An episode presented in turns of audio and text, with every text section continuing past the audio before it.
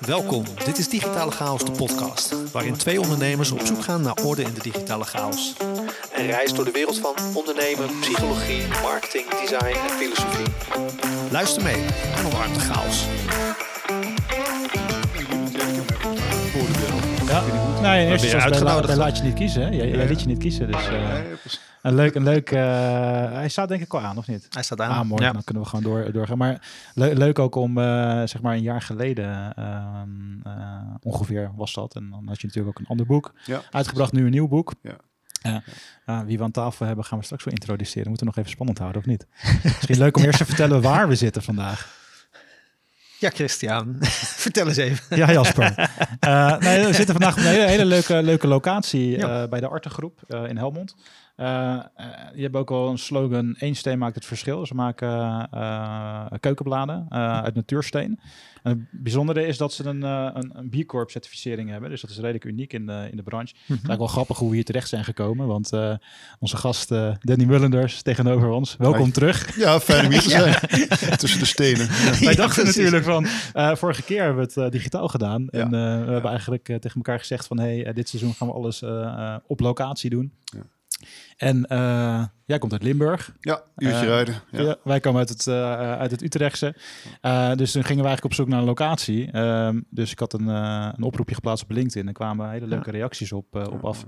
Eh, waaronder dus eh, eentje die in precies midden zat eigenlijk. Eh, Exact in het midden. We hebben ook een uurtje gereden. ja, de artgroep. Dus eh, bij deze heel erg bedankt voor, dat we deze ruimte kunnen gebruiken. Ook richting eh Niels, eh, eigenaar van, eh van Artgroep. We hebben net een hele mooie rondleiding gehad. Absoluut. Eh, ja. Vrij uniek hoe ze hier eh, ja, het productieproces eh, helemaal geautomatiseerd hebben. Dat was stof om te zien. Ehm, Mooi hoe ze met mensen omgaan. ook dat. Ook dat. Ja. Ja. Ja. En de projecten die ze eromheen doen, ook wat ze al zeiden, wat eh, initiatieven in, eh, in, eh, bij de productielocaties, zeg maar, ook eh, op het gebied van onderwijs en eh communityontwikkeling en dat soort dingen. Echt heel zit echt Ja. een duurzaamheidscomponent Echt een mooi- voorbeeld. Ja. Fijne Ja. plek. Ja, tof om te zien.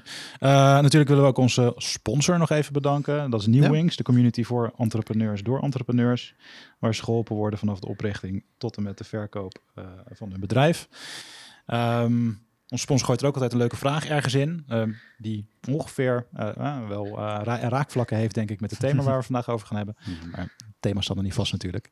Eh, welkom terug, Danny. Blij om hier te zijn. Ja. En jullie weer te zien. Nou, weer te zien. Te horen. vorige keer digitaal, hè? Ja, Vorige keer was het digitaal, ja. Ja, ja. Ja, de full Monty. ja precies. Hoe is, jouw, hoe is jouw afgelopen jaar verlopen? Of misschien, misschien wel leuk om voor de luisteraar dan nog even. We hebben elkaar natuurlijk eerder gesproken. Dus dan Ja. Korte misschien wel intro. leuk om even kort even een introductie te doen. Ja. Wie je bent, wat je Ja. doet. Ja, dus ik ben eh, Danny, Danny Mullenders, eh 46 jaar. Krijg je de standaard riedel, hè? Eh, twee, eh, twee lieve kinderen, Joep en eh, Sophie. Kim thuis in, eh in Meersen, in Maastricht op dit moment op haar werk. Eh, ik werk bij ACNT, staat voor Assessment Coaching Training. Dus alles wat te maken heeft met inzicht en ontwikkeling van mens, team en organisatie. Eh, in coronatijd ook wel wat ruimte in mijn agenda gekregen. En ik schreef al best wat op LinkedIn. Mhm. En toen riep, eh, ik denk dat het John Merering was, mijn medeschrijver bij boek 2. Zou je niet een boek maken van alles wat je hebt geschreven? Vond ik eerst een heel raar idee eigenlijk. En, maar toch, toch gaan nadenken en een uitgever gevonden. En dat eerste boek, Laat je niet kiezen, deed ja, wonderbaarlijk goed in mijn beleving. Maar ik hoorde ook van anderen wel wat terug. Het eh, thema dat, dat pakte wel. Hè? Dus, dus het gaat vooral over de ruimte tussen wat je overkomt en hoe je daarmee omgaat. Dat je die ruimte kan vergroten, minimaal als je daar bewust van bent dat het kan. Mhm. Ehm, en ja, sinds een aantal maanden, even kijken, het was in juni dat eh, daarom toen ze dat uitkwam. Dus dat is nog vrij kort geleden. Ja. Eh, doet het ook weer heel aardig. Hè? Terwijl het eerste boek ging over eigen regie, gaat het tweede boek veel meer over. je het heel erg plat slaat, kun je voorbij eerste indrukken kijken en, en kun je mensen ook ja, wat meer inschatten op wie ze in de kern zijn. En vandaar het ook eh, de interactie, de dialoog aangaan. Ehm, maar we duiken meteen vol erin. Ik weet niet of dat de bedoeling is. Nou, dat doen we wel vaker. Hè? Ja. Ik ben wel, ben wel benieuwd, hoe, hoe is voor jou, zeg maar, de, want die, die boeken zaten vrij kort op elkaar. Ja. Eh, hoe, hoe, hoe heb je dat ervaren, zeg maar? Eh, eh, want er zat eigenlijk er zat een jaartje tussen ongeveer. Ja, dan, dan, dan komen een paar van mijn eigen eh, eigenschappen naar voren. Ik ben een alleseter en ik denk alles en nu meteen. Dus als je het hebt over instant gratification, ja, daar Ja. ben ik er ook eentje van. Ja, niet altijd even handig trouwens hoor. Dus als je heel veel in heel korte tijd wil, dan, uh, dan lukt ook niet alles. Um, en dan, dan vergeet je ook nog wel eens een keer te genieten van het moment. Mm -hmm. Dus ik riep vanochtend nog tegen een coachie van... ja, niet is een mens vreemd. Uh, alle mooie, wijze, hoop ik, wijze dingen die ik weggeef aan anderen... die pas ik zelf ook niet altijd toe. Um, mm -hmm. Dus als ik kijk naar die twee boeken... Ja, het is heerlijk om te schrijven. Het is, het is leuk en het is leuk om kennis ook te delen met mensen... en zo ook een inkijkje te geven in ja, wat ik iedere dag meemaak in mijn werk als uh, psycholoog...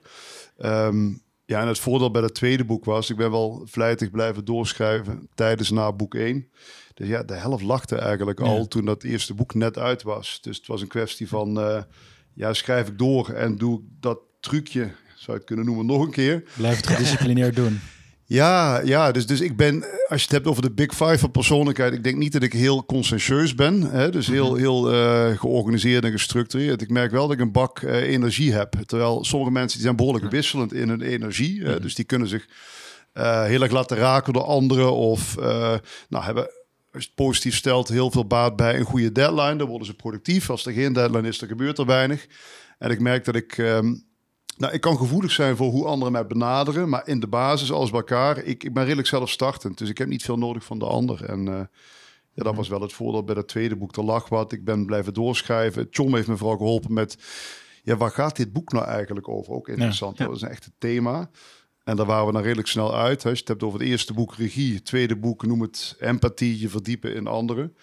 Um, ja, en dan krijg je het verhaal van uh, zet het goed op papier, zorg dat je een uitgever hebt, zorg dat het uh, er wel komt. En ga ook een beetje genieten van uh, de dingen zoals dit, hè, want je mag gaan praten over wat je op papier hebt gezet. En, en je bent mede-eigenaar van jullie bedrijf. Ja. Um, um, en wat voor impact heeft het uitbrengen van die twee boeken gehad voor jou als professional of als, als, als ondernemer? Als je het, als je het bekijkt van het omzet, ja, commercieel, dan, dan is daar werk bijgekomen. Vooral aan de coachingskant. Ik denk dat de boeken toch vooral wel een uh, ja, coachingstint hebben. Dus het woord uh, assessment heb ik wat meer erin gezet in dat tweede boek. Ik denk dat is bewust. ook wel bewust. Ja, dus dat, dat, dat werkt ook wel. Dus ik zie nu ook wel aan de assessment kant dat wat meer uh, partijen ons weten te vinden. Um, ja, en de puzzel, maar goed, dan hebben we het maar weer over het commerciële aspect, is ook, uh, je kunt heel makkelijk als coach richting um, uh, particuliere dingen doen. Dat, dat kan. Als ACT zeggen, we willen het liefst werken voor organisaties, want die zijn wat groter, meer volume, komen wat makkelijker ook terug. Mm -hmm. um, dus dat vind ik nu ook wel de puzzel. Van je krijgt best wel wat vragen en verzoeken van, uh, ja, van individuen, van, van mensen die niks met een bedrijf hebben. Ja. Ja, ik ben een helper van nature, denk ik. Ik ben ook wel een beetje een pleaser. Dat gaat vooral uh, een thema het eerste boek ook wel. Uh, ja, en dan, en dan ga je kijken, waar stop ik mijn tijd in en waarin uh, niet. En ik heb tien jaar geleden opgeschreven wat mijn eigen soort van mission statement is. Hè? Dus, mm -hmm. dus dat was iets in de trant van... Uh, anderen helpen uh, via inzicht en ontwikkeling om de meest echte versie van zichzelf te worden. Hij zit nog aardig hierboven. uh, ja, en dat, dat kan je op meerdere manieren doen. Met een boek schrijven, met, met een assessment, met coaching. Je kan het één op één doen, je kan het voor organisaties doen. En tegelijkertijd heb je ook een beetje te verhouden tot je collega's die ook mm -hmm. ideeën hebben bij hoe je met elkaar dat werk doet. En dat, nou, heel vaak gaat dat goed en soms dan een puzzel. Ja. ja. En dan uh, heeft het dan ook nog iets met je, dat boek, heeft dat, het laatste boek dan met name denk ik, ook nog iets met gedaan met, je, met jezelf, zeg maar. Want je hebt ook een aantal meer persoonlijke verhalen waar je wat, wat kwetsbaarder opstelt. En niet zozeer alleen maar over je praktijk hebt. Uh, ja. Heeft dat jou ook iets gebracht? Ja, misschien is dat ook om mijn eigen ontwikkeling. Uh, ik, ik, ik, denk dat ik, dat kreeg ik van anderen terug, maar ik herken het wel hoor. Ik kan vrij makkelijk van op afstand naar mensen, teams, sociale processen kijken en daar uh, iets van vinden of, of daar een vraag over stellen of iets bedenken waardoor een team uh, effectiever gaat functioneren. En dan blijf je eigenlijk wat op afstand. Dan ben je wat meer de, ja, de, de, de, de observator. Ja. En ik vond dat wel heel leuk. Ik had uh, Joep Schrijvers, kennen jullie misschien van Hoe word ik een rat? Uh, ja. Boek van tijd terug, heeft het ook wel aardig gedaan. Ja, die heb ik nog in de kast staan ergens. Ja, een tijdje, echt, uh, een tijdje, in de studententijd ja. kwam die uit. Ik heb hem ja, echt wel grijs gelezen. Hè. Joep zegt eigenlijk iets in de trant van... pas je gedrag aan aan de situatie en je komt verder, maar wel met een hele dikke knipoog. Mm -hmm. Maar Joep die was dus op mijn boekpresentatie bij het tweede boek. Bij het eerste boek, zo moet ik het zeggen. En toen had hij een leuk verhaal en hij kraakte ook wat kritische noten. Dus ergens zei hij ook, Danny, zei hij dan waar honderd man bij waren. Danny, mag ik je wat persoonlijke feedback geven? Ik zeg, nou, doe dat waar al die mensen bij zijn. Dat is lekker persoonlijk. Uh, en toen zei hij, nou, ik, ik, voor mij ontbrak jij ook wel wat in dat eerste boek. Dus je kunt van op afstand de dingen beschrijven bij mensen en een theorie erop plakken. En je haalt er een filosoof bij of een psycholoog en dan is dat wel gesmeerd. Maar waar ben jij? En toen dacht ik, hmm. potverdorie, daar heeft hij ook wel wat gelijk in ook. En uh, het, is, het, is, het is ook wel comfortabel om daar wat buiten te blijven. Maar ik dacht bij dat tweede boek, ik, ik ga mezelf daar meer inzetten. Uh, in de verhalen heb ik dat geprobeerd. Ik beschrijf vanuit uh, wat ik als psycholoog met coaches, assess, assessmentkandidaten meemaak, wat er gebeurt. maar als iets mij raakt, of als ik ergens een scheve schaats rij, of misschien ook als ik iets heel erg goed doe, dan vind ik het ook heel leuk om te benoemen dat dat misschien zo is en waarom dat, dat zo werkte. En uh, ja, dan wordt het ook wat persoonlijker. En ik merk ook wel dat mensen zeggen dat is toch nog wel prettiger om te lezen ook. Ja, ja. ja mooi. Ja. Mooie learning. Ik had ook, zeg maar, ik heb beide boeken gelezen. Uh, en, en de eerste, wat ik kan laat je niet kiezen, heel prettig vond, was de combinatie van psychologie en filosofie. Waar we het in het eerste gesprek of uh, vorig seizoen ook over gehad hebben. En um, ja, in het tweede boek, uh, inderdaad, die persoonlijke noot vond ik heel, heel erg fijn. Dat je en, en zeg maar, je observeert, maar je, uh, je weet het zeg maar uit te zoomen en weer in te zoomen en bij jezelf ook te houden. En dat vond ik, uh, dat vond ik mooi, ja. mooi aan boek 2. Ja, dat was wel de, de, de poging die ik heb gedaan. Het is, ja, ik denk dat het best wel aardig gelukt is. En, en, verder wat je altijd ook over het, het, het proces daaromheen, om dat boek heen ja, dan zoek je een uitgever. Hè, dus dat is dan ook mhm. weer een klus. Het eerste boek uh, met Heestek gemaakt, en tweede met, uh, met Van Duren. Uh, qua proces is dat niet heel anders. Je werkt met andere mensen. Je werkt met een, een uitgever die een iets ander perspectief ook, ook heeft op, op boeken. Ja. iets pragmatischer dan, dan de eerste ronde. Uh, dus meer marketing-minded misschien? Ja, ook wel wat. Ja, uh, al heb ik wel ook geleerd uh, bij boek 1 en boek 2, dat was bij Heestek en ook al bij, bij Van Duren. de marketing en de sales wil ik geen mensen te kool doen, want ik ben fantastisch geholpen. Maar daar daar mag Moet je, je toch voor een groot deel zelf doen, hè? Ja, en, en ja. Hè, we hebben het ook een beetje over de persoonlijke puzzel hier. Ik vind dat af en toe nog wel eens spannend en ook wel een beetje ingewikkeld. Dat ik denk, ja, ik ben het uithangbord van mijn eigen boek en van mm -hmm. ook van mijn eigen organisatie ja, soms denk ik heerlijk en, en laat je zien. En daar komt ook wel wat op terug. Hè. Daar komt werk op terug of een compliment. En soms denk ik van, oh, daar, daar gaan we weer. Ja. Dus dan, ik, ik, ik heb de neiging om iedere dag ook wel iets te delen op LinkedIn. Daar schiet me iets te binnen. En soms wordt het een mhm. verhaal en soms een overpeinzing en soms een quote. Um, ik heb bij mezelf ook wel diep nagedacht over, is dit een soort van, uh, ja, dat, dat je jezelf toch wel heel erg uh, uh, goed vindt en dat je dat iedere keer wil neerzetten.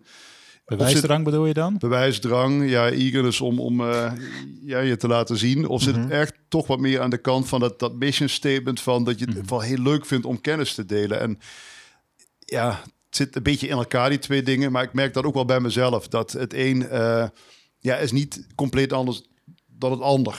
Dus het is fijn om complimenten te krijgen. En het is ook wel heel fijn om mensen te, te helpen. Um, ik heb ook een beetje geoefend met als je dan een paar dagen niks post, wat doet dat dan met jou? Ja. Was ik wel blij om te merken dat dat niet zwaar uh, ten koste ging van mijn gemoed. Geen trillende handen en... Uh... Nee, dat niet. Dus ik denk, nou, dan, dat, dat, dat, is wel prettig ook. Ja. Uh, maar als je dat bij het tweede boek dan wel een... Voel, merkt je daar verschillen in? Omdat je toch al zei van, ben dat wel iets persoonlijker dan bij het eerste boek. Want die, als je in het eerste boek wat, wat veilige afstand pakt, zeg ja. maar, is dat misschien ook wel een stukje van, oké, okay, dan ben ik wel een soort van beschermd in dat opzicht. En als je nu wat opener bent, Um, ik, heb het laatst ook gezegd over een aantal podcastafleveringen die dan heel goed doen online, maar waar ik mezelf dan wel wat meer blootgeef, wat meer kwetsbaarder ja. opstel. Ja. Maar dat resoneert dan wel. Maar ik snap wel die, zeg maar, dat dat een beetje engig kan voelen of zo. Een beetje, ja. ja. dat heeft ook meerdere kanten wel. Het is wat je zegt ook. Het, uh, dat zie je via LinkedIn ook. Hè? De, de post of de, de, de, artikelen die je toch wel heel erg goed doen op dit moment. Ja, daar laten mensen veel van zichzelf ja. zien. En wat ze meemaken in hun werk. En ze stoten hun hoofd en ze krabbelen weer op. Ja. Dat, dat, ja, dat pakt. Dat vinden hè, emotie. -hmm. Onze emotionele brein wordt, wordt getriggerd. Dat vinden we toch wel, uh, ja, dat, dat werkt. Aan de andere kant, bij mij was het uh, eerder het experiment met mezelf aangaan van, ja, durf ik dat ook wel om meer van mezelf te laten zien? Ja. Kijk, als ik helemaal uit de school klap, ik denk dat ik dat ook niet heel erg in mijn opvoeding uh, en al die jaren heb meegekregen. En dat was meer ja. op verstand en uh, doe maar normaal, doe je al gek genoeg, een beetje dat. dus dit is ook wel ja, wat, wat verder van mijn badge. Ik vond het ook wel spannend toen het boek uitkwam. Ik denk, ja, ook wel nieuwsgierig wat de reacties daarop zijn. Ehm, ik had dat bij dat eerste boek. Ver- verhaal heb ik ook, eh, en daarom doen ze dat eh, beschreven. eh, kwam de psycholoog van het Nederlands Instituut van Psychologen. wilde wat, wat over het boek zeggen in hun blad. En als ik me goed herinner, zeiden ze, nou, dat boek dat, dat, dat pakt wel. Hè? Dus, dus leuk en aardig. En in het eerste boek had Danny eh 40 endorsements voorin staan. Hè? Dus mensen die het aanbevelen. En in het eh, tweede boek eh, nog maar 20. Maar dat Ja, ja, de volgende keer nog maar tien. ja, volgende keer maar 10 of 0. Ja, nou, we vonden, zijn we wel kwalitatiever. overigens, we vonden het overigens heel leuk om mee te lezen. Dus eh, dat was tof om te, om te zien. Hey, en ehm, het tweede boek gaat volgens mij ook wel veel meer over eh, eh, dus, dus de, de relatie tussen mensen en een stukje samenwerking. Mhm. Eh, zie ik daar soms ook wel doorheen schijnen. We hebben toevallig recent een podcast opgenomen. Die staat volgens mij nog niet live als deze live komt. Nee, dat wordt waarschijnlijk Waar- de volgende. Ja, waar we onder andere ook onszelf een vraag stelden van... ehm, eh, ja, is de definitie van samenwerking eigenlijk niet aan het veranderen? Zoals wij dat zien of nieuwe generaties dat zien. Mhm. Vond ik ook wel interessant om die hier even in te gooien. Zeg maar vanuit misschien ook jouw perspectief. Kun je wat meer zeggen? Want wat wat was jullie overpeinzing? Ehm, ja, zeg maar, wat is de lading van samenwerking? Hè? En, ehm, je, kan, je kan het ehm, bedenken in de zin van, oké, eh, eh, je wil efficiënt kunnen samenwerken. We hebben net een rondleiding gehad hier door, door een heel efficiënt eh, Mhm. productieproces. Ehm, eh, waarbij de ene lijn in de andere lijn overgaat. Maar tegelijkertijd werd ook verteld hoe belangrijk eigenlijk de onderliggende, ehm, eh, ja, eigenlijk de, de, de, de mensenrelaties zijn hier. Ja. En dat het ook belangrijk is dat mensen gezond leven, dat ze, dat ze op een goede manier met elkaar om kunnen gaan, et cetera. En wat je nu bijvoorbeeld ziet bij, en bij jonge generaties, maar dat is volgens mij ook wel een wat grotere ondertoon, dat je ziet dat veel mensen voor zichzelf beginnen, bijvoorbeeld ontslag nemen uit, eh, uit een corporate baan. Uh, je ziet dat ehm, ook wel de, uh, de behoefte in samenwerking aan het veranderen is. Mhm. Um, uh, dus dat gaat niet alleen maar meer over efficiënt samenwerken. Dat, dat, dat, die, die onderlaag, die, die observeren we een beetje. Of, Mhm. ik heb er nog geen cijfers voor om dat te onderstaven, maar daar zijn we wel een soort van naar onderzoek aan het doen. Mhm. Um, is dat iets wat je herkent? Zeg maar dat mensen op een soort andere manier naar samenwerking kijken tegenwoordig, vergeleken met pak en beet 30 jaar geleden. Ja, wat me opvalt in assessment en coaching is dat, uh, ja, als je met wat dure woorden beschrijft, dat het, wat misschien, uh, dat het misschien wat meer van, van transactioneel naar transformationeel gaat. Riep Ja. laatst iemand, vond wel mooie woorden hoor. Dus hè, eigenlijk een beetje wat jij zegt van efficiënt en effectief.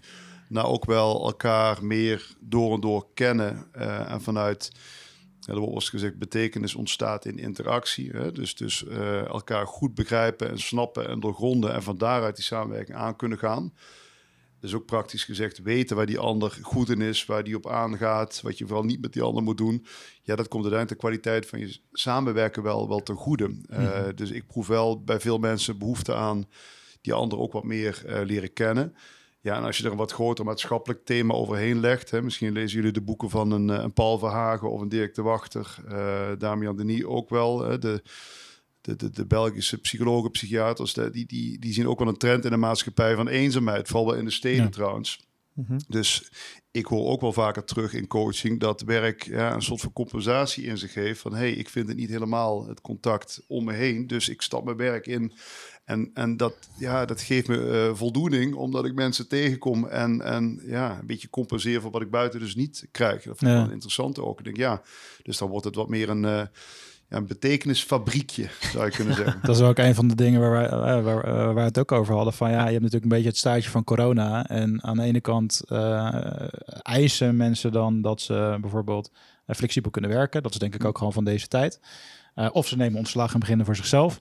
En vervolgens komen ze tijdens de zolderkamer dan na een half jaar achter dat ze toch wel heel erg eenzaam zijn. Of, ja. En dan zoeken ze weer iets op wat meer betekenis geeft. Ja. Dus dat is ook wel een soort beweging die, uh, ja, die gaande is, denk ik. Ja, ik denk zo, die, die, die zinsgeving überhaupt natuurlijk. Zie je al jaren met terugloop bij geloven en, en dat soort dingen ook. Dat je, ja, als je geen, geen kader meekrijgt van dit is dit zijn een, een, een, groepje normen, waarden, overtuigingen waar je aan kan houden. Moet je ze zelf verzinnen. Ja, dat is uh, ja. uitdagend ja. natuurlijk. Ja, dat, dat is best wel een uitdaging, kan ik me voorstellen. Dat is een beetje de, de liberale uh, geest die zich heeft ontwikkeld toen, toen het geloof ja, wegviel. Mm -hmm. En wat je zegt ook, dan, dan mag je meer op jezelf uh, en je nabije omgeving gaan, gaan vertrouwen. Want er is niet nog een hogere macht die ook iets zegt van hoe je je leven gaat, gaat leiden. En Nou, er wordt ook wel eens gezegd, daar zijn we ook wel behoorlijk in uh, opgeschoven of, of doorgeschoten. Hè? De nee.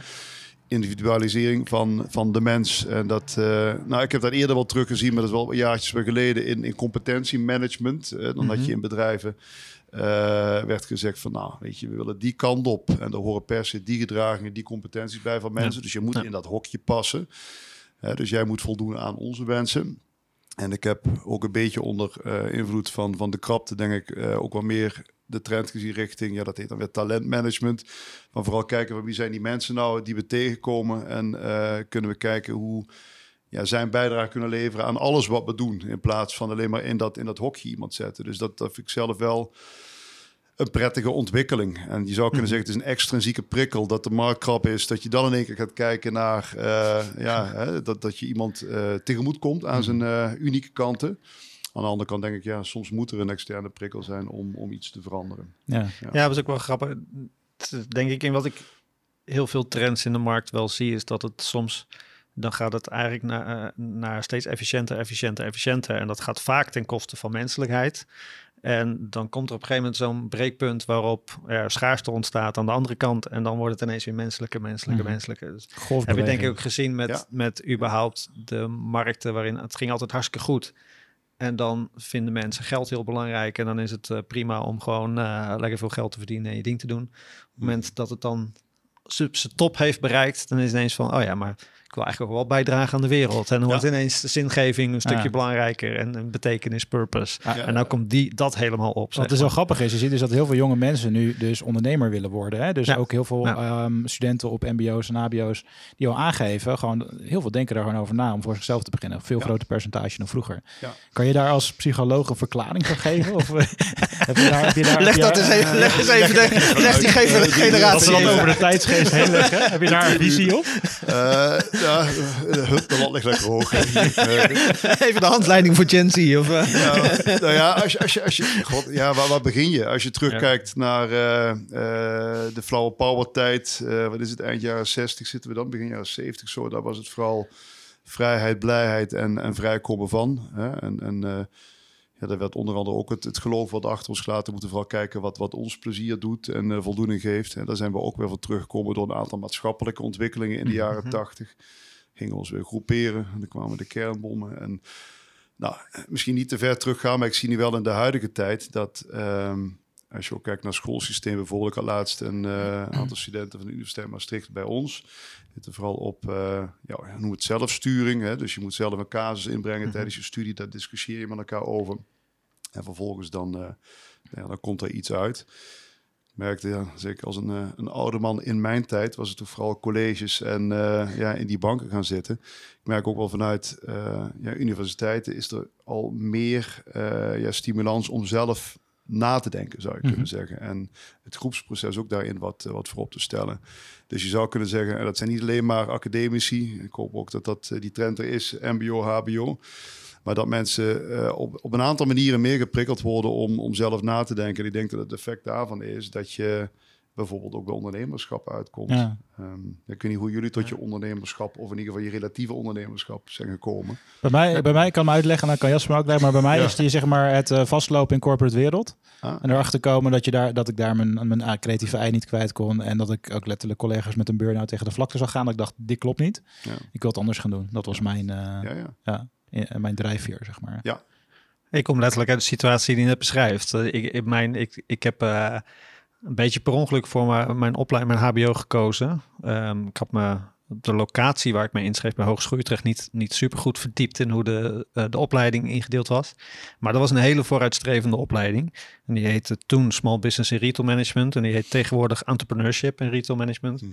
En ehm, dat, dat was gewoon learning by doing opleiding. Dus dat was gewoon, je kreeg een, eh, een map met twaalf competenties eh, en eh, daar gekoppeld beroepshandelingen. En die moest je aantonen op een paar aantal niveaus. Mhm.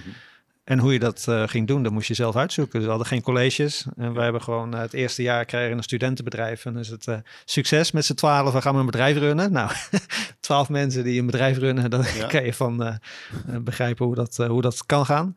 En hoe ging het? Ja, wat, wat heb je daaruit opgepikt? nou, kijk, eh, je ziet Ehm, ja, het is gewoon puur groepsgedrag ook gewoon. Natuurlijk iemand opstaat die zegt, eh, ik wil wel de directeur zijn. Je moest de rollen gaan verdelen. En, eh, het uitvalpercentage van studenten was 50% op die opleiding. Dus je, je start met, eh, met 100 man. Nou, na twee weken zijn de eerste 20 zijn weg. En eh, na een jaar zit je nog... Nou, voor mij gingen we 30 mensen naar het tweede jaar. Ja. Ehm, maar ja, wat je wel kweekt, er zijn mensen die weten hoe je bronnen moet zoeken. Want wij hadden geen boekenpakket. Wij moesten gewoon zelf op zoek naar boeken, zelf op zoek naar opdrachten, zelf eh, gaan netwerken met mensen. Dus ja, dat was gewoon puur ondernemerschap wat je daar leerde. Ja. Dus ja, ik moest gaan netwerken. In mijn tweede jaar van mijn studie moest ik gewoon ja, bedrijven gaan zoeken. Nou, het eerste ga je, naar, ga je naar je broer, die heeft een bedrijf, dus dan ga je daar wel doen. Ja. En dan via dat kom je bij een leverancier uit die zegt, nou, je kan bij mij wel wat doen. Ja. Nou, dan kom je een keer iemand anders tegen op een netwerkevenement of zo. En dan eh, rol je daar zo in. Maar ja, ik heb leren netwerken, leren ehm, gewoon dingen doen. Ja, precies. Als je iets niet weet, nou, probeer het. Wat, wat, wat echt grappig, want wat, wat je net zei, zeg maar, wat net even opkwam, je, je zei net, probe- probeer het, maar mijn, mijn dochter van vijf, die komt ook regelmatig thuis van school met het zinnetje van proberen kun je leren. En Mhm. ik kwam er ook achter dat dat niet alleen op haar school gebeurt, maar dus op meerdere basisscholen. Dat zit blijkbaar nu dus al in een soort van methode of zo. En ze gebruiken dat bewust. Ja. En ehm, ik, zie dat, ik zag dat ergens ook in jouw boek terugkomen, een bruggetje. Eh, ik heb opgeschreven spel in je werk brengen. Ik weet niet of het meteen rings a bell Ja. waar je in je boek of wat voor, wat voor casus daar, eh, daarover ging. We hadden het in een auto hier naartoe ook nog eventjes over van...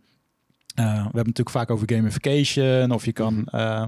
Eh, eh, methodes gebruiken, ook eh, statistieken om inzicht te krijgen, om dan bijvoorbeeld ehm, eh, dat je jezelf stimuleert of motiveert om iets te gaan doen, eh, of een bepaalde gedraging of, of, of habit te bouwen. Ehm, maar uiteindelijk, eh, en daar kwamen we net ook even in, de- in de auto van, ja, eh, achter van, ja, uiteindelijk, en dat beschrijft volgens mij ook je boek, uiteindelijk gaat het ook over eh, de speelsheid in het werk wat je Ja. doet of in de relatie. Ja, precies. Ehm, eh, dus dat was ook nog wel even een inzicht van. Het zou mooi zijn als het bewustzijn al meer aan het opkomen is. En dat dat dan ook een soort voeding geeft aan het feit dat meer jongeren nu dus eh, bewust voor ondernemerschap kiezen. Dus er Ja. zijn. eh, waarbij we misschien eh, in, in seizoen 1 nog wel eens afleveringen hebben gehad eh, over, over onderwijs. Ook hoeveel tekortschittingen daarin zaten. Ja. Daar is dus wel iets positiefs in aan het veranderen, blijkbaar. Nou, wat ik aan het einde van het boek, ik heb ja, en Nietzsche kennen jullie waarschijnlijk ook, eh, de filosoof, die heeft het dan over, eh, moet ik even goed graven hoor, eh, hoe, hoe mensen zich ontwikkelen, ook werkgerelateerd. En dan kijkt hij niet zozeer naar de unieke mens, maar eerder een soort van overal ontwikkeling die hij ziet. En dan, eh, ja, dan hoor je hem ook zeggen dat we eerst in een soort van rol kruipen waarin we, en je had het over groepsgedrag, vooral heel hard gaan werken en ons best gaan doen. En ja, dan ben je een soort van schaapachtig. Hè? Dus dan, dan, eh, dan, eh, dan ga je kijken van hoe verhoud ik me tot, tot de rest. Vervolgens krijg je dat door en dan kruip je eh, onbewust door naar de rol van, van, van leeuw. Hè? Dan wil je eruit breken en dan wil je vooral uniek zijn. Maar uniek zijn is ook weer ten opzichte van die ander. Dus het blijft relatief. Je komt nooit alleen te staan. Ja, dan kom je op zo'n punt uit dat je niet meer helemaal weet. Dat merken we ook wel eens. Ja, dat zijn dan vaker de burn-outs en de, ja, de minder leuke momenten ook in een carrière. Maar die vaak wel weer eh, inzicht bieden van, van hoe het anders kan. Hè? Dan een soort cliché van eh, never waste a good eh, crisis. En hij beschrijft dan wel heel erg leuk dat we uiteindelijk weer teruggaan naar een soort van kindvorm. In de zin van, je had het over spelen ook. Als je doorhebt dat je je werk kan zien als moeten en prestatie gemotiveerd moet zijn en dat salaris moet binnenhalen en CEO moet worden. Ja, dat kan een perspectief zijn. Ik heb zelf gemerkt, de mensen die eh, ja, zien dat er voldoening en lol en plezier en beetje serieuzer, een beetje een bedoeling ook wel uit te halen is. Eh, ja, dat die eigenlijk heerlijk door dat werk heen stappen. En eh, eh, ja, de term flow komt ook wel eens in Ja. de mooie boeken terug. Die mensen zitten in een, in een heerlijke stoel. Ze zijn wel productief, maar het gaat op een ontspannen, gelijkwaardige, ja, prettige manier. En eigenlijk, ja, ik wil niet iedereen over één kamp scheren. Mensen hebben ook al verschillende behoeften, maar ik heb wel gezien, veel mensen vinden dat wel heel prettig. En die zeggen, oh, hoe kan ik daar dan komen? En dan zou je kunnen zeggen, ja, hup, eh, coaching zes maanden en dan ben je daar. ja, en daarvan heb ik ook geleerd. Dat, Ja. dat is een beetje mijn eh, utopie van, van, van jaren geleden ook begonnen. Van, dan ga ik iemand wel daar brengen. Hè. Iemand heeft zichzelf ergens open te stellen en dan ja, daar zelf te komen met wat hulp en ondersteuning. Als je het dan toch hebt over coaching, dan denk ik dat ben je eerder een, een aangever in iemands ontwikkeling dan dat je de leraar of de docent moet zijn die ja, die, die, die zwaar gaat, eh, gaat oefenen en zegt hè, de wortel en de stok goed en fout. Ja. Eh, en dat beschrijf ik ook ergens in boek, of misschien ook wel in boek 1, dat het heel goed kan werken als coach of psycholoog, dat je eh, wat meer naast die ander gaat zitten in zijn ontwikkeling of in zijn inzicht. En dat het vooral niet degene moet zijn die de witte doktersjas aantrekt en zegt van ik, ik weet het wel en zo gaan we het doen. En ik heb dat zelf eerder meegemaakt in mijn leven op een aantal momenten. Ja, het zegt ook iets over mij dat ik daar minder blij van word.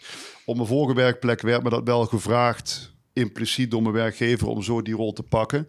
Ik heb lang niet doorgehad waarom ik het daar dan wat minder prettig vond. En uiteindelijk kwam ik wel erachter dat dat een van de redenen was. Dat het toch wel heel in een ja, keurslijfje ding doen is. En ik hou wel van, ja, Irvin Jalom kennen jullie misschien ook. Een paar mooie boeken geschreven. eh, als eh, psychiater, volgens mij zit hij nu ook al in de, in de 90. Eh, en die heeft het ook over wat het effect is van degene die met de ander aan de slag gaat op de output van die interventie. hè. Dus heb je het over coaching. Dan als jij je bijvoorbeeld gelijkwaardig opstelt en niet meteen gaat doorduwen en de ander ruimte geeft, je hebt een aantal van die zaken. Eh, en niet meteen je kennis en je methode voorop stelt, maar eerst bouwt aan de relatie. Dat is ik boek 2 dan. Dat dat minimaal de helft van het eh, effect van die coaching beïnvloedt. En ik vond dat, ja, aan de ene kant dacht ik, ja, klinkt logisch, hè, relatie doet iets. Aan de andere kant dacht ik, ja, dus als je als een leuke, aardige, mensgerichte en nog wat van die dingen persoon aan tafel gaat zitten. Alleen dan al eh, kan je ontzettend veel betekenen in iemands ontwikkeling. En, en eh, hè, op het moment dat je daar als leraar gaat zitten, zo, zo gezegd, dan heeft dat ook zijn effect. Eh, maar dat effect is vaak veel kleiner dan wij denken. Of het beklijft niet. Nee. Ja. wat, wat ik nog wel grappig vind, hè, want eh, er zitten verschillende ehm, eh, verhalen die je vertelt. En relatief vaak, voor mijn gevoel, wordt ehm, eh, coaching of eh, assessment wordt geïnitieerd door een opdrachtgever. Klopt dat? Ja. Is eh, zeg maar, want waar ligt dan? Want aan de andere kant hoor ik je zeggen: oké, als coach wil je eigenlijk hè, eh, en, en niet, niet eh, de, de, de teacher zijn. Dus je wil eigenlijk, denk ik, de juiste vragen stellen zodat iemand zelf eigenaarschap kan pakken. Eh, maar bij wie ligt dan die verantwoordelijkheid? Stel je hebt iemand die in dienst is en die heeft dan een, niet optimale relatie met, met de baas of met de collega's, of die functioneert niet helemaal optimaal, of misschien niet, zit degene Mhm. niet helemaal op zijn plek. Bij wie ligt dan de verantwoordelijkheid? Ligt dat dan bij een leidinggevende of meer bij het professional zelf? Ja, in de ideale wereld zeg ik, als je ergens last van hebt, eh, doe daar wat mee. Alleen zie ik ook dat sommige mensen daar om bepaalde redenen niet heel goed toe in staat zijn. Door eh, wie ze zijn of door wat ze hebben meegemaakt. Eh, ja, en dan wordt het wat ingewikkelder. Eh, als je het hebt over de relatie met de leidinggevende, ja, dat is een beetje het klassieke verhaal. Hè? Daar kan het Ja. in, in misgaan. Dat is ook nummer één reden dat mensen weggaan. Hè? Die relatie met de leidinggevende die niet goed is. Ehm, ja, en dan gebeurt het wel als die leidinggevende zegt: Jij hebt een, een, een probleem, hè, medewerker. Je En bent, je, bent paars, je bent paars, dus je moet op coaching. Nou ja, dat verhaal. Ja, precies. Ja, precies dat. Ja, dat raakt de spijker op, op de kop. En nou, daar heb ik best wel, dat verhaal daar heb ik best wel wat, wat eh, feedback op gehad van anderen toen ze lazen. Hè. Enerzijds dat mensen zeggen, nou, feest der herkenning. Het verhaal gaat over... ehm, nou, een leidinggevende eh, heeft een medewerker, daar gaan wat dingen niet helemaal goed mee. En die zegt, ja, jij bent zo en zo. In dat geval, je bent paars, je bent conservatief, gericht op het verleden. Dus jij moet op, op coaching. Volgens mij heb ik in het boek niet beschreven dat er nog een gesprek aan vooraf is gegaan met die medewerker en leidinggevende en ik om uit te puzzelen van waar liggen verantwoordelijkheden en wie roept nou eigenlijk wat. Dus de reactie was heel erg van, ja, maar eh, dan ga je nou zo snel iemand lopen coachen, terwijl die leidinggevende ook een aandeel heeft in dat verhaal. En misschien stuur je daar ook een beetje op aan, weet ik niet, van ho- hoe werkt dat? En ja, ik, ik, wat ik altijd meestal doe, is in ieder geval het gesprek vooraf hebben, wel met z'n drie of met z'n vieren. HR wil ook wel vaak aansluiten, om te kijken. Is ook zo'n open deur, maar de vraag achter de vraag van wat is hier nou echt aan de hand? En soms dan zie je dat de leidinggevende toch een groter aandeel heeft dan je eh, in dat telefoongesprekje vooraf merkte. Ja. Ja, en dan eh, kom je wat meer op, eh, ja, wie ben jij nou als adviseur of psycholoog of als mens überhaupt in dat gesprek? Eh, dat was mijn belemmerende overtuiging langer geleden, hè, om daar iets van te vinden. Ik krijg je een opdracht om iemand te coachen. Nou, dat zou ik dan wel moeten doen. Terwijl mijn ontwikkeling is ook al geweest de afgelopen twintig jaar, om dat proces dat daar dan plaatsvindt met z'n vieren, meer centraal te stellen. Die opdracht die er als soort van ligt, eigenlijk even te parkeren. Ja, en dat een betekenisvol gesprek te maken. En uiteindelijk hoop ik dan dat als de leidinggevende wat te doen heeft, ja, dat ik dat dan ergens ook tussen de oren krijg. Liefst met behoud van relatie, lukt niet altijd. Eh, ja, en dat er daarna iets komt wat niet hoeft te matchen met die eerste vraag. Ja. Ga die medewerker coachen. Eh, maar ja, misschien merken, hebben jullie dat ook wel in jullie klantgesprekken? Het zijn vaak best wel complexe dingen. Ja, kom, kom je er wel eens op uit dat je dan de leidinggevende gaat coachen? Ik heb het eens meegemaakt. Oh, Eh, het het zou wat mij betreft, maar goed. Het zou vaker het is- mogen. Het zou vaker mogen. Het, het, is, het, is, leuk om te doen. Het is ook wel fijn om een patiënt te verdienen. Eh, maar, maar het idee van, eh, en, en dat is een beetje het tekort van persoonlijkheidspsychologie. Als je puur de spotlight zet op Mhm. de unieke kanten van, van één mens. En je vergeet de context waarbinnen dat plaatsvindt. Ja. Eh, denk aan de leidinggevende, denk aan een cultuur, al die dingen. Exact, ja. Ja, dan, dan ben je, vind ik, wat te kort door de bocht bezig. Dus wat ik probeer, lukt niet altijd, maar de- om de mens te zien in het geheel waar die, waar die, waar die zijn dingen in doet. Ja, en dan, eh, dan doet de interactie tussen een leidinggevende en een medewerker ook iets met hoe die medewerker zich, zich Ja. voelt. En als ik merk, die medewerker is subassertief en die leidinggevende is wat agressiever en je, je ziet dat in het gesprek, dan probeer ik dat, eh, ja, zonder te veel te oordelen, eens, eens, eens terug te leggen. In de zin van, goh, weet je, ma- mag ik een patroon benoemen? Vind je dat goed? Ja. In mijn beleving gebeurt dit nu hier. En, en eh, wat, denken jullie ervan? Herken je dat? Nou, ja of nee. Soms hè, de hak in het zand. En soms dan, dan vallen de oogschellen wel, wel snel af. Ja, en dan ontstaat er iets. En je weet nooit helemaal waar het op uitkomt. En ja, het is wel vast. Dat is heerlijk aan het werk, vind ik wel. Dat is ook Ja. nog wat, wat even bij me, bij me opkomt. Een verhaal wat je vertelt ook eh, over een opdracht die je op een gegeven moment hebt teruggegeven. Omdat de opdrachtgever gewoon zo oogkleppen op heeft, narcistisch is. eh zijn medewerkers als onderdanen beschouwt. En dan dat je, dat je toch nog een soort van jezelf de vraag stelt van...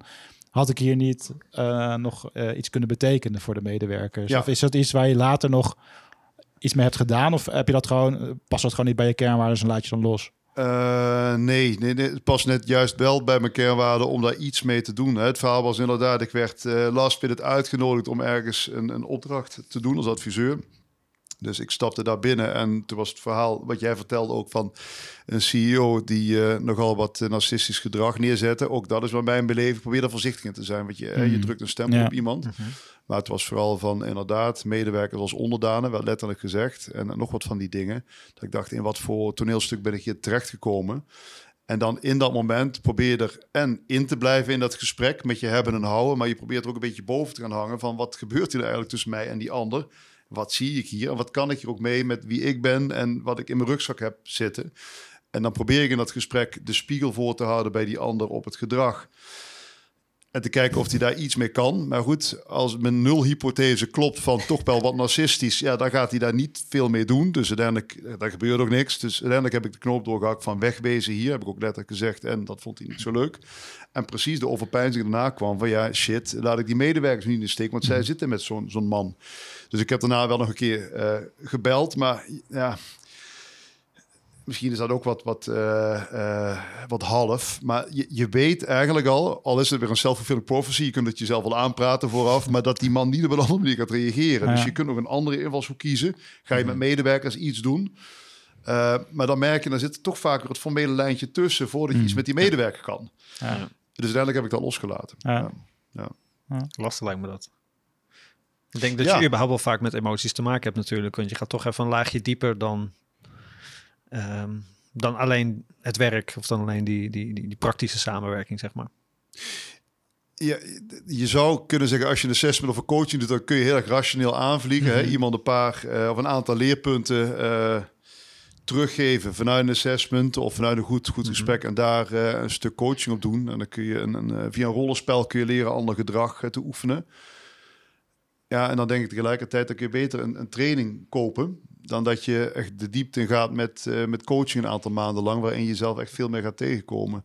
Ja. Dus ook daar dat merk ik ook wel eens dat eh, de vraag vooraf, hè, soms de vraag echt van ja, we hebben hier, dat is het toch weer heel klassiek van de leidinggevende die mij een vraag stelt over medewerker, maar goed, we hebben hier iemand die het eigenlijk eh, prima doet en communicatief wat minder handig is. En als ik dan met iemand praat en dat beeld, dat zie ik dan ook, dan is de reactie eerder van mij, eh er zijn goede trainers. Terwijl als je onder dat gedrag, hè, ik heb het ook ergens over de ui afpellen, ziet dat eh, aan de buitenkant er heel assertief, bijna dominant gedrag wordt vertoond en in sommige contexten wordt dat gewaardeerd. Maar op andere plekken wordt er gezegd, ja, dit is too much en dit is vervelend. En nou, als daaronder eh, ja, iets met karakter zit wat niet helemaal lekker is, hadden het over een narcisme of narcistisch gedrag, dan heb je wel iets te pakken. En dan is de vraag, ja, wil die ander daaraan aan dat thema? Eh, en dan heb ik de neiging, je had het even over waarde net, om niet op gedrag te coachen. Als ik denk dat het ergens anders vandaan komt en ergens anders aangepakt moet worden, dan, dan heb ik ook wel over de jaren geleerd, dan geef ik netjes de opdracht Ja. terug. Ja. Ja. Ja, komt met ervaring. Ja, Ge- gebruiken jullie eh, intern ook bij jullie bedrijf? Gebruiken jullie dan ook dezelfde methodieken? Of eh, hoe, hoe, hoe passen jullie dat toe, zeg maar? je bedoelt met, met ons ja, samen? bijvoorbeeld gewoon met je eigen, met je eigen collega's. Eh, we hebben een tijdje terug een rollenspeltraining gehad met een oud collega van de van GETP, met Roel Imveld. Dat was fantastisch. Dus die man die, dat is echt een hele goede acteur. En we hebben zelf ook ja, als collega's onderling, hè, we, we zetten onszelf ook in, in een rollenspel in een assessment bij een andere collega. Dus eh, dan proberen we dat zo goed als mogelijk te doen. Nou, een trainersacteur die kan dat af en toe eh, misschien nog wel beter. dus daar kregen we dan een soort van les van. En wat ik heel leuk vond, ja, niet de boeken en de theorie, maar gewoon hup meteen oefenen. En dan is het ook al met de billen bloot in die zijn, want je collega's zijn er ook bij. Nou, je zit er een beetje te stuntelen en je best te doen. En je krijgt ook wel vrij direct feedback. Ja, en het interessante is, je loopt de hele dag feedback aan mensen te geven. En nu zit je Ja. met je collega's in zo'n Beetje beroepsdeformatie. ja, ja, ja Bijna. precies. Leuk vind ik. En dan krijg je zo, hè, als je die mooie piramide van Lencioni hebt, maar dan heb je wat meer over teams misschien. En ver- vertrouwen, dat is wel een, een vertrekpunt. Als dat, als het oké is tussen jou en je collega's, dan kun je elkaar ook wel wat, wat teruggeven. En dan, ja, dan ga je ook wel wat, wat, eh, wat oefenen met die materie. Maar ja, weet je, je kunt jezelf heel makkelijk als psycholoog opsluiten. eh, eh, ieder uur van de dag eh, met je gesprekken in een hokje. En dan leer je misschien iets van die ander waar je mee praat. Eh, maar je hebt best wel wat collega's ook waar je ook wat van kan oppikken. Ja. Vind ik nog wel een leuke vraag. Hoe, hoe leren jullie van elkaar? Hebben jullie daar iets bewust van? De podcast. ja, De gesprekken. Ja, nou, het is, wel, nou, nou, het is letterlijk hoe wij elkaar echt een, wel een beetje ontmoet hebben. Want we hebben ehm, elkaar ontmoet via het Graafs Lyceum Ja. Utrecht. Ja, zaten allebei in de, commissie. ja, zaten in de beroepenveldcommissie. En ja, dan merk je op een gegeven moment dat je een beetje klik hebt. eh, allebei eh compagnons. En eh, eh, grappig genoeg. Een Al beetje vrij lang ook. Al vrij lang, vrij lang, en ja. grappig genoeg een beetje dezelfde competentieverdeling of dynamiek tussen de compagnons. Dus dat is wel heel erg grappig om terug te zien. En ja, eigenlijk op een gegeven moment gewoon ja, vaker met elkaar gepraat en dan merken van, oh ja, maar jij loopt tegen dingen aan, ik loop tegen dingen aan. Oh, daar kunnen we eens een keertje over hebben. Ja. En eh, natuurlijk de luxe dat je een compagnon hebt, is dat je kan sparren. Maar ja, soms is het wel fijn om met iemand die daar net even weer buiten staat, Ja. een andere ondernemer te sparren. Dus eh, ja, voor ons is dat letterlijk hoe dat een beetje ontstaan is. En Misschien een beetje dezelfde dynamiek eigenlijk die jij, eh, Danny, biedt als externe. Mhm. Omdat je dan net even met een andere blik of iets verser blik naar dingen kan kijken. Ja. Dus dat werkt eigenlijk wel heel erg prettig. Ik, eh, ik zag ook eventjes, want ik heb ook nog een ingezonden vraag van Roger van Nieuwings. En dat heeft een beetje raakvlak met... Maar wij, hebben beide een compagnon, Jasper en ik, al meer dan, wat is het, 12 jaar of zo. En dat schijnt best wel uniek te zijn. Ehm, dus de vraag die hij had eh, ingestuurd... ehm, of er ook factoren zijn waar ondernemers eh, naar kunnen kijken wanneer ze een compagnon zoeken. Dus zijn er, of er bepaalde ingrediënten zijn... ehm, waardoor een samenwerking gedoemd is te mislukken... of juist eh, de kans op een goede samenwerking vergroot. Dus dat vind ik wel interessant om samen eens naar te Dat kijken. is een mooie vraag. Ja, dat is van- vanuit jouw perspectief, Danny. Ik heb eh, er wel een idee bij, ook wel vanuit eigen ervaring. Ja. Eh, ook dat is geen absolute waarheid, maar eerder wat ik ook zelf heb meegemaakt. Hebben ACT Mhm. ook. Hè. We zijn met z'n eh, vijven en, dan hebben we twee eigenaren. Dat is Pascal, mijn collega, en, en ik. Dus dan heb je allebei wat aandelen. En ACT bestond al 20 jaar. Ik werkte eerder bij GETP, Mhm. dus een con-collega van ons. Ik ben bij ACT weer binnengekomen. Heb ik eerder al gewerkt toen ik net begon met studie. Mhm. Dus na 20 jaar weer terug. En ik vond het ook wel heel erg leuk om dan eh, ja, een aantal aandelen te kunnen kopen, mee eigenaar te zijn en, en daar ook wel de vruchten van te plukken. Dus die gesprekken zijn we gaan voeren. Eh, ja, en wat ik daarin merkte, goed, ik kende hem al behoorlijk goed van eerder, is dat op het moment dat er eh, voor je gevoel gelijkwaardigheid ontstaat, eh, ja, en dat klinkt ook als een open deur, maar dat je samen aan het praten bent over eh, hoe je het wil gaan doen en die nabije toekomst en wat je van elkaar verwacht. En dan heb je van die ja, hele basale etiketten als laat je elkaar uitpraten, ben je, ben je nieuwsgierig naar elkaar. Ehm, dat is één stuk, maar ook wel ergens in de uitwerking van de afspraken. Dat het Mhm. iets is als je ergens eh, als compagnon wil nou, inkopen of hè, dat je uiteindelijk dan ook wel met een heel klein stukje van de taart aan het einde van die eh, onderhandeling, vaak is een onderhandeling ook wel achterblijft. Of je moet er zelf ook wel bewust voor, voor kiezen. Hoe hebben jullie dat geregeld? Zijn jullie er zeg maar gelijkwaardig in? Uh, Uh, bijna, de- ja. Dus hij heeft wel meer aandelen dan, dan ik. En we hebben wat afspraken over eh, eh, ja, bijkopen van die aandelen op, op termijn. En dat, ja, voor mij voelt dat gelijkwaardig. En het is Ja. niet, iemand maakt het laatste verschil tussen gelijk en gelijkwaardig. Dat vond ik wel een heel leuk, eh, leuk, Mhm. leuk thema. Eh, dus we zijn feitelijk niet gelijk in eh, jaren werkervaring daar, in aantal aandelen, in eh, klanten die we, die we helpen. Hè. We hebben ieder, ieder, nou, we werken op alle klanten, maar ja, je probeert elkaar te vervangen. Maar tegelijkertijd heb je ook wel de klanten waar je wat meer voor doet, want die kennen je ook, die vinden dat ook wel prettig. Ehm, en dus in die zin ben je niet gelijk, eh, maar op het moment dat je met elkaar ja, in zo'n sfeer eh, vooraf, maar ook in je werk zit, dat het prettig en we hadden het over Flownet, dat het geen moeite kost. Mhm. Eh, en het merendeel van jaar is het fantastisch leuk. Ja, daar heb je zelf een aandeel in en die ander heeft dat ook. En natuurlijk heb je ergens, ik weet niet hoe jullie dat ervaren, hoor wel ergens in het jaar, als je het hebt over een loonsverhoging bij die ander en bij jou. En dat, dan mag het ook wel even op het scherpst van de snede inhoudelijk. hè, want dan heb je het ook over eh, hoe beloon je elkaar, hoe ga je de toekomst in. Dat, Ja. dat is prima. Als dat op inhoud is en niet op de mens. Maar daar heb je vooraf in geïnvesteerd volgens mij in die relatie. Ja. Ehm, dus ja, bij mij blijft vooral dat woord gelijkwaardigheid dan hangen. Oh, mooi. Ehm, ja. Mooi. Hoe is dat voor jou, Jasper? Nou, wij zeggen altijd, de fundering van ons bedrijf is eh, droge worst en wijn. Want wij hebben, ja, ik heb eh, Joey ontmoet omdat ik eh, heb gedate met zijn zus. En dus we zijn eigenlijk heel elkaar in, in informele sfeer ontmoet en een beetje vanuit vriendschap. En we waren toen allebei grafisch vormgever en ja, het eerste wat je doet, visitekaartjes vergelijken. hè, Wie heeft de mooiste? En op een gegeven moment uit een soort beleefdheid zeg je, ja, als we een keer wat grotere opdrachten hebben, gaan we dat samen doen. Nou, op een gegeven moment gewoon maar eens gedaan. En ehm, ehm, dat beviel zo goed dat we ehm, een bedrijf wilden beginnen. En eigenlijk vanaf het eerste moment dat wij samenwerkten, letterlijk de eerste dag dat wij samenwerkten, hebben we daarna bijna zeven dagen per week eh, elkaar gezien of gesproken in, naast het werk. Om te kijken van oké, wat willen we dan? Hoe ziet dat er dan uit? En heel veel flip-over bladen en papieren verspild aan eh, allerlei ingewikkelde discussies. ja, Ja, ja. allemaal ingewikkelde discussies over hoe wij merken zagen en wat we vonden dat marketing moest doen en eh, wat, wat je allemaal wel niet met design kon. En Ja. onze, we hadden een soort gedeelde frustratie, was dat wij meer wilden doen dan alleen een mooi plaatje maken.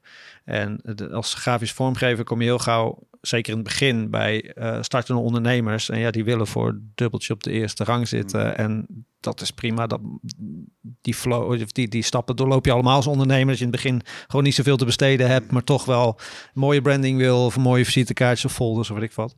Dus ik denk voor ons was die, die gedeelde waarde heel belangrijk in het begin. Van meer dan alleen dat mooie plaatje maken en dan samen gaan uitzoeken van wat is dat dan en wat is dan die fundering. Was dat het eigenlijk zorgde dat je op onderliggende waarden eigenlijk zo'n goede fundering bouwt dat het eigenlijk niet meer uitmaakte wat er dan opkwam. Dus eh, Ja. we zijn begonnen als brandingbureau, maar vrij snel omgeschakeld naar meer digitaal UX design, eh surf design die kant op.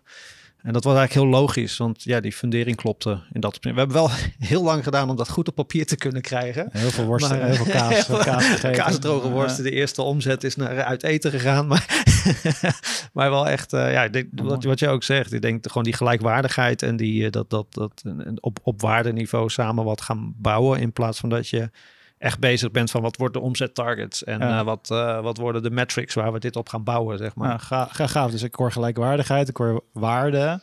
Ehm, Ik kan er dan denk ik nog gedeelde visie en Mhm. eh, eerlijkheid aan toevoegen vanuit mijn perspectief. Mhm. Dus eh, ik herken die beide ook heel erg. Nou, ik ken mijn compagnon Sebastian uit de online poker scene. dus dan heb je al een bepaalde binding Mhm. op, op een vlak wat andere mensen misschien helemaal niet kennen. Als ze niet weten wat het is. Ehm, en bij ons was wel ook, eh, zeg maar, eh, ook in, heel goed in touch blijven op, eh, op, de, op de visie, heel belangrijk. Dus dat je een soort van die, Mhm. die, die kernwaardes hebt, maar dat je dus ook waar je naartoe werkt, dat dat ook in lijn is met elkaar. Hm. Ehm, ja, en dat je bij wijze van spreken gewoon eh, ja, ja, weet dat het, eh, eh, dat het in goede handen is. Als je zelf even niet, iets niet kan doen of er even niet bent. Weet je? Dus Want hoe was het voor jou? Want je, je bent met meer founders begonnen destijds, we toch? zijn met z'n vieren begonnen. Ja. Ja, en dat is op een gegeven moment ook uit elkaar gevallen. Eh, Mhm. juist, doordat de, eh, juist doordat er misschien een verschil was in visie. Of dat er iemand eh, wat meer eh, opportunistisch was. En dat, eh, en daardoor viel dat uit elkaar. En dan waarschijnlijk beklijft dat dan ook bij jezelf meer. Dat je dat als belangrijker maakt. Ja. Ehm, Nou, dat haakt er misschien wel wat op aan. Eh, hè, er wordt wel eens gezegd, eh, birds of a feather flock together of opposites attract. ja, Ook als je het hebt over hoe ga je samenwerken in dat soort eh, eh, constellaties. Dan zegt het onderzoek, maar voor mij ook wel de praktijk van... eh, ja, ga toch met iemand werken die niet te ver van je afstaat qua karakter. Natuurlijk mag het hier en daar wat schuren. Maar twee hele verschillende persoonlijkheden, eh, dat ligt af en toe wat lastig. En als je dan weer hebt over die big five van persoonlijkheid, vijf karaktertrekken, redelijk stabiel over tijd. Dan zie ik vooral bij emotionele stabiliteit. Daar gaat het boek ook op een aantal punten wel, wel over. Hè, dus, dus iemand kan heel stabiel zijn, dus eh, nuchter, eh, ontspannen, gelijkmatig. Iemand kan instabiel zijn, kan ook voordelen trouwens hebben, want je bent wat alerter, maar Mhm. ook wat onrustiger, wat, wat sneller gefrustreerd. Ja, heel stabiel, heel instabiel. Dat, dat vraagt best wel wat eh, van beide. Maar wat je dan vaak ziet gebeuren, dat zie ik ook wel vaker in, we doen vaker duo assessments. Dan zien we twee mensen, ondernemers, die gaan samenwerken. Eh, dan heb ik heel vaak eh, gezien dat, dat instabiel, stabiel samen wordt lastig. Want eerst gaat die hele stabiele ja, zijn best doen om die instabiele ja, wat, wat te helpen, zou je kunnen zeggen, om stabieler te worden. Nou, die ander vindt dat frustrerend. Ehm, en daarmee isoleer ik het een beetje tot één eigenschap. Er spelen andere eigenschappen ook wel mee hoor. Ehm, maar het is bottom line wel heel handig om te weten dat die ander ook qua ja, innerlijk, qua hoe die naar de wereld kijkt, eh zo'n beetje heeft wat jij hebt. En als ik dan toch naast stabiliteit één eigenschap uit mag kiezen. eh, agreeableness, is ook zo'n term binnen de Big Five. Die wordt vaak vertaald in eh, altruïsme of vriendelijkheid. Weet je, te vriendelijk, ja, dan waai je weer met alle winden mee. En dan, dan ben je de pleaser, zo gezegd. En dan gaat die ander misschien wel over je heen lopen. Eh, maar een bepaalde mate aan eh, oog hebben voor die ander en wat zijn impliciete behoefte is. En je daar ook leerbereid in kunnen opstellen en ook niet altijd je gelijk hoeven halen. Ja. Ja, dat, dat is wel heel belangrijk, vind Ja. ik. ja, en ook, ik hoorde eerder ook het woordje schuren zeggen. Het mag af en toe ook wel even schuren. Ja, Want, want soms, ja, het is niet altijd koek en ei. En je hebt soms gewoon beslissingen te maken.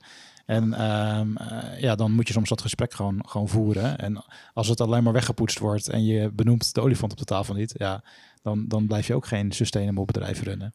Nee, en dat schuren, dat helpt soms ook gewoon heel erg. Ik, ik bij mezelf ook al dingen... Ik, ik ben in het begin best wel... ehm, zeg maar, mijn agreeableness scoort relatief laag. laag. ja, Ehm, ik, eh, eh, wel, ik heb zeker in de begintijd wel de neiging gehad om, om heel erg mijn visie, zeg maar, eh, eh, duidelijk te maken en die een beetje de, ehm, doorheen te duwen door gewoon, ehm hoe noem je dat, een beetje verbaal te overmeesteren of een beetje. Dit dat? gaan we doen. Ja, maar ook het gewoon, eh, misschien zelfs tegen manipulatieve aan toe, zeg maar, zo van, eh, ja, eigenlijk er naartoe praten, zeg maar, of iemand overtuigen. En op een gegeven moment, als het toch een beetje gaat schuren, dat je toch merkt, dat je toch op dat moment bewust wordt van jezelf, van ja, maar waar ben ik nou eigenlijk mee bezig? En we hebben het eerste interview eh, kort over gehad dat ik op een gegeven moment zo'n switch heb gemaakt van, ehm, ik wil andere mensen helpen tot inzicht te komen en niet elke keer mijn eigen visie daar heel erg op zitten duwen. Dat was voor mij een heel erg groot verschil dat ik ineens veel meer ben gaan luisteren en veel meer ben gaan kijken van oké, maar wat, wat bedoelt iemand nou eigenlijk en heb ik hier eigenlijk al gelijk in? Hè, klopt dit eigenlijk al? Ben je meer gaan toetsen van mijn eigen visie ten opzichte van oké, wat, wat, wat vind jij er dan van? Wat vind jij er dan van? Oh ja, wacht, zo had ik er nog niet aan gekeken. Mooie ontwikkeling. En dat eh, ehm, en daarin heeft dat, dat, dat die, ja, die momenten dat het schuurde met mijn compagnon ook juist wel weer die, die inzichten gebracht van, oh ja, wacht, ik moet soms ook even kijken hoe ik daarin sta of hoe ik daarin ga, zeg maar. Niet altijd met gestrekt been. Wat is voor jou het grootste verschil geweest eh, sinds een jaar geleden? Zeg maar, sinds de laatste aflevering eh, die we met Danny hebben opgenomen? qua, qua inzichten. Qua inzicht voor mensen. inzicht. ja. Eh, nou, ik, ben, ik, ben, ik zit in een soort van eh, zelfontwikkelingsreis. dus ik ben heel veel over mezelf aan het leren. En eh toevallig van de week een heel podcast-serie zitten kijken over shadow work. Waarin je dus echt gaat kijken van nou, wat zijn mijn onderliggende patronen? Waar komen die vandaan en hoe zit dat? Dus ik ben al een beetje de, de, de zelfontwikkeling en de ja, purpose-zoeking eh, doorgegaan. Bij mij is heel erg eh, betekenis ontstaan in interactie blijven hangen. Dus ik betrap me er zelf ook op dat ik die regelmatig gebruik en koppelen, koppel aan onderwerpen en dingen. Dus Ja. dat is ook wel leuk, eh, leuk om te ervaren. Zeg Een maar. De- voorbeeld waar je het kan toepassen. Ehm, nou, gewoon le- le- letterlijk als je, gewoon een, als je ergens op reageert op LinkedIn bijvoorbeeld, een- eh, waar die snaar geraakt wordt. Het, Ja. eh, ehm, eh, je hebt het ergens over en, je, en dan, dan zie je, ja, je zit een bepaalde betekenis in. En die had, was niet ontstaan als wij dit gesprek niet waren aangegaan over dit onderwerp. En dat komt dus door die interactie en misschien ook wel door de kwaliteit van de interactie die je hebt met iemand. Ehm, eh, ja, dus daar ben ik me veel bewuster van nu, Mhm. ehm, wat de waarde daarvan is. En doet het nog iets met de manier waarop jij schrijft op LinkedIn? Uh, ja, dat kan ik me zo maar voorstellen. Ik denk meer onbewust. Mhm. Ehm, het heeft, eh, ik denk wel dat het effect heeft ook op hoe ik intuïtief zeg maar gesprekken aanga met mensen. Mhm. Omdat je een soort van je, je, je pikt een soort van op eh, van oké, eh, in deze interactie zit meer betekenis dan in een andere. En dan ga je een soort Ja. van filteren. Dat is misschien ook wel een kwestie van eh, dat je het meer gaat oppikken. Ja. Maar gewoon de manier waarop mensen ehm, communiceren bijvoorbeeld, of een berichtje sturen of plaatsen. Ja, er zit een bepaalde intentie achter, vaak of niet. Ja. En, en dat ga je oppikken. En dat, dat gaat heel vaak over die kwaliteit van de interactie. Ja, vraagt wat bewustzijn ook, hè? Van, Zeker. Van, hey, wat zou dat kunnen zeggen dat die ander bijvoorbeeld die toon aanslaat of dat woordje gebruikt? Het zit vaak in, in kleine dingen. Ik vind het ook wel eens ingewikkeld, dat is een ander thema bij, bij eh, via LinkedIn. Dat, ehm zelfs met een mail, vaak is het ook wel heel ingewikkeld om de intentie eh, eh, te pakken. En zeker Mhm. op het moment dat het iets met jou doet. Eh, ik heb afgelopen jaren ja, best vaak via LinkedIn mijn, mijn berichten de wereld ingeslingerd. En dan gaan veel mensen dat lezen ook. Ja. En dan heb je eh, op bijna ieder moment van, eh, van de week wel iemand die daar ook echt bijvoorbeeld ten negatieve iets van vindt. Ja, en dat is weer mijn label. Hè. Ik plak daar negatief op. Dan een ander Mhm. zegt, nou, je kan van die man of vrouw leren. Maar ik heb ook al een paar keer gemerkt dat op het moment dat het, en dat is ook wel beleving, vervelend wordt. In de zin van dat er ook op de persoon Mhm. niet meer op inhoud wordt teruggecommuniceerd. Of in de zin van hetgene wat je roept, eh, hè, is flauwekul. Of Ja. ja, da- dan ben ik. Dan probeer ik mijn eigen soort van principes toe te passen door te verdiepen op hey, wat, wat gebeurt hier nou. Ja. Maar dan is niet meer één op één mijn reactie van ik ga een vraag terugstellen. Ja. Ik ben wat bewuster geworden in hoe ik reageer. En het kan ook zijn dat ik niet reageer. Of dat ik zeg, eh, het is twee keer gebeurd. Ik ben nieuwsgierig genoeg geweest. Ik verbreek het contact. Ja. En dat is voor mij ook wel een stap. Want ik zou vanuit wie ik denk ik in de basis ook ben... eh, heel lang kunnen doorgaan in eh erachter komen Ja. waarom die ander doet wat hij doet. Een paar jaar Ja. geleden had ik iemand... eh, daar gebeurde dit in extreme en die werd in mijn beleving echt heel vervelend. En die denk, nou, ik denk, ik ga hem uitnodigen op kantoor, eh, want ik wil graag weten wie dat is en wat hier nou gebeurt. Ja. Ehm, nou, en wat ik daar proefde, er was een man, een hele intelligente man, eh, zwaar autistisch, zwaar gefrustreerd dat hij in het advies- en psychologenwereldje nooit was, was doorgegroeid. Dat legde hij ook heel open, heel transparant op tafel. Vond ik ook wel heel ja, knap met, met hoe die was. En ik dacht tegelijkertijd van ja, nu snap ik ook wel heel erg goed eh, waarom dat daar gebeurde. Mhm. Dat Ja. maakte niet dat ik in één keer vriendjes met hem werd. Het maakte eerlijk dacht, ja, Ja. bedankt voor je verhaal. En er zijn andere mensen waar ik toch meer mee heb. Eh, dus het is, het is niet meteen van, eh, als je dan dat tweede boek pakt, daarom doen ze dat, dat, dat je altijd tot helemaal het naadje moet gaan in je verdiepen in anderen. Dat, dat vind ik dan ook wel niet. Maar ik ben ook wel nieuwsgierig hoe jullie dat zien. Nou ja, goed, het kwam net in me op, zeg maar, be- be- betekenis ontstaat in interactie. Maar wat is dan de betekenis van een interactie van iemand die eh, totaal negatief reageert? Er zit vaak een betekenis voor diegene achter. Misschien een bepaalde frustratie, maar niet zozeer voor jou als ontvanger. En dan, eh, ja, dan, dan voor mij is dat soms ook gewoon wel eh, een moment om dan de- daar niet meer op te gaan reageren. Ja. En dat ga je aanvoelen volgens mij op een gegeven moment. Ja. Ehm, eh, maar ja, aan het begin heb je dat, die, die, die voelsprieten misschien nog wat minder. En dan heb je de neiging, of de neiging had ik ook, om dan door te vragen, kijk, waar komt het vandaan? Ja. En soms zit er gewoon ook voor jezelf een grens op, want het- anders lek je de energie op weg. Ja, dat denk ik ook. Ja. Nou, ik heb nog wel een, eh, als we het hebben over ten aanleiding van het vorige interview. Ik heb er wel een aardige rabbit hole aan overgehouden destijds. Ben benieuwd. Dat was ook, eh, had ook te maken met het gesprek wat we toen hadden over. dat raakte op een gegeven moment een beetje over vrije wil in de praat. Ja. Dus eh, daar ben ik nog aardig ingedoken. Ja, dus je, je afdronk of je overpeinzing. Dan ben ik nieuwsgierig. Ja. nou, ik heb het boek van Sam Harris gelezen, De Vrije Wil. En dat vond ik wel echt een machtig interessant boek. Die, die zegt eigenlijk van, dat bestaat helemaal niet, vrije wil. Eh, in de kern eigenlijk een beetje zijn strekking. Dus ja, ook al een beetje tot de conclusie gekomen waar je zelf toen ook al bij aangaf van op een gegeven moment moet je ook gewoon een beetje loslaten en denken van oké, moet ik hier echt een duidelijk antwoord op gaan vinden voor mezelf of, of maak ik me er niet zo druk meer om? Maar nou, ik denk, ja, ik denk dat we best wel deterministische beestjes zijn, maar dat we wel invloed hebben, zeg maar. Ja, dat. Ja, en ook. Ja. Er zijn heel veel boeken over volgeschreven en veel, veel, veel meningen en, en ook wel wetenschappelijke mhm. inzichten. Ik heb in mijn studietijd, hè, dat was uh, eh, 1997, was dat een van de eerste thema's die, die bij psychologie naar voren kwamen. Mhm. Inderdaad, bestaat vrije wil of niet? Ja, je had uh, voor, voorstanders en tegenstanders. En er werd in de hersenen gekeken. En ergens in je hersenen gebeurde er al iets voordat jij intentioneel reageerde. Dus ja, ja wat is dat dan? Je, je, je bent uh, ja, een soort van uh, slag, slachtoffer. Je, je reageert eigenlijk al in je hoofd voordat je via je gedrag reageert. Dus, dus ben je dan nog in charge? Ben je in, in controle over? En ik heb ook ergens gemerkt, ik kan er dan heel veel boeken over lezen. Hè.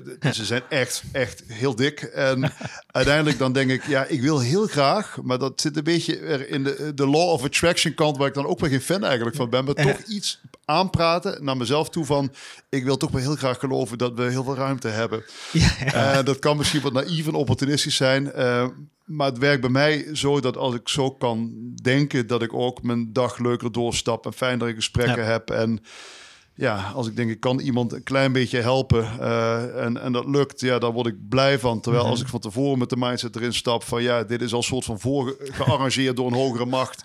Dan loop ik op leeg. Dus ik, ik wil dat ook gewoon niet denken. ja, dat Is, Maar dat is ook mooi, want uh, dat is misschien ook mooi om af te ronden. Want volgens mij mhm. zitten we bijna aan de tijd. Maar um, er komt ook weer maar op dat stukje speelsheid, zeg maar. Want blijkbaar is er dan een soort van spel wat het leven heet. En waar je invloed op kan uitoefenen. als je dat niet kan doen, waar is het spel dan nog? Ja. Waar haal je dan de fun nog uit? Ja, ja waar, waar zit de fun dan? Ja, ja, ja. ja. mooi afronden. Mooi. Alright. Dankjewel weer uh, voor dit gesprek. Fijn hier te zijn. Dankjewel voor jullie uh, tijd. En uh, luisteraars bedankt voor het luisteren. Ook bedankt. Tot volgende. Tot de volgende. ciao, ciao.